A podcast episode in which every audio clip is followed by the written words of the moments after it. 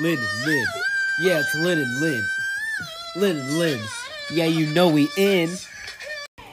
This is Colin. This is Shalin.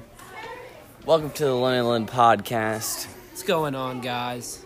You know how it be. Rip Pop Smoke, I just want to put that out there. Rip Pop Smoke is a legend.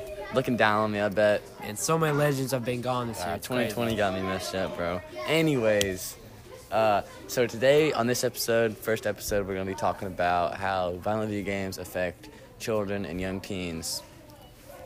Welcome back. Here's our uh, guest, Braden Stam, professional Siege player. Hi, hi, how's it going? Going good. How about you?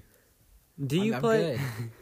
Do you play any violent video games? good. Uh, yes, I do play uh, some violent video games. The one that Colin mentioned is Rainbow Six Siege. I heard you recently were pro in that. Is that yeah, correct? yeah, I did. I've competed in some tournaments and won a couple. Wow. Yeah. So you're saying that violent video games has won you money? Yes, I have actually won money and in- in-game credits from Rainbow Six Siege tournaments. So Wow. yeah, it's actually very beneficial. for me.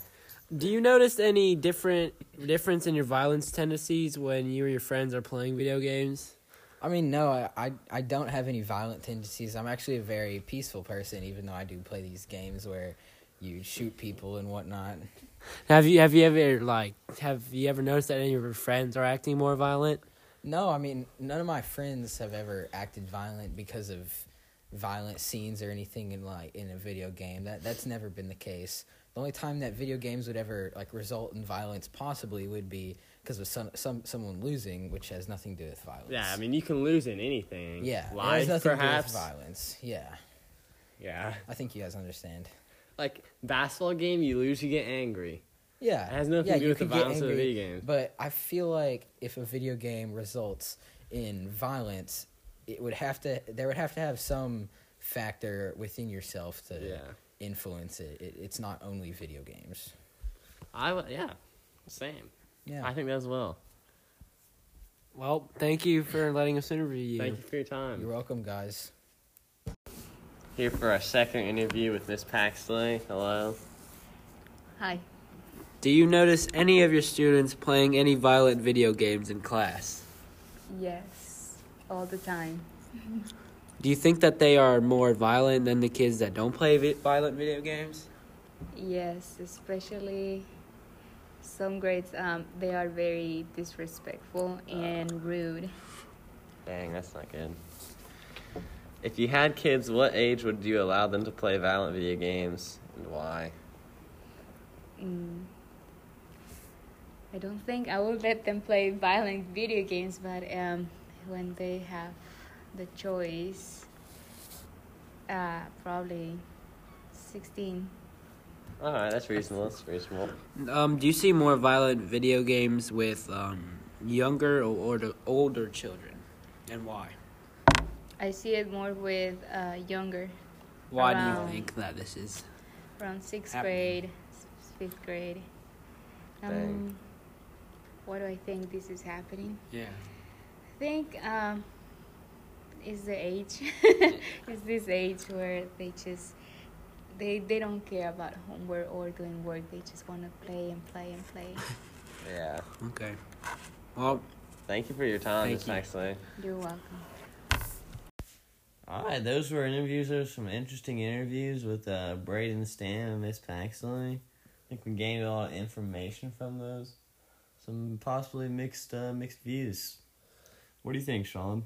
So basically, our view, Colin and I's view, are that video games don't cause video violence. Um, according to NBC, uh, they argue that violent video games may provide a safe outlet for aggressive and angry feelings and may reduce crime.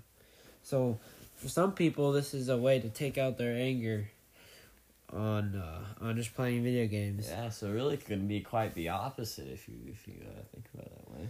Also, some other reasons that when it comes to actual serious criminal violence, there's virtually no evidence that video games matter for the any Yeah, of these school I mean, shootings or anything like if that. they're gonna do something violent like that, they d- the video games is not gonna affect them to do it. It's not gonna cause them to do it. They're gonna do it anyways. Maybe they happen to play video games because they enjoy it. for that reason, but they're gonna do it anyways. Um, also, NBA CSN noted that while over 70% of high school students play violent video games, only 20% of school shooters have reported playing these games. So this means that not 80% of them didn't even play video games or violent video games. And maybe like even the twenty percent that did take that like number and then compare it to the amount of people that play online games. That percentage has to be so small that Yeah. it, it's al- it's just irrelevant.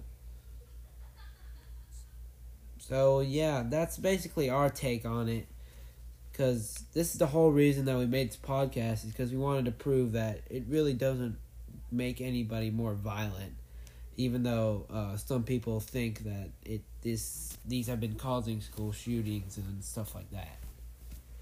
Yeah. So overall, our conclusion is that violent video games do not cause violence. Maybe possibly some rudeness, uh, from Ms. Paxley's perspective, and her encounters, but no real violence has occurred from uh, these violent video games. Yeah. So all we have evidence to prove our point. And there's not there wasn't only like for some some arguments you'll only see one part of, of evidence, but for us we had we had three, which means that there's more than one re- there's more than one reasons why that uh, video games don't cause violence. That is the Lin and Lin podcast. Come back to the next episode. See you guys. See you guys.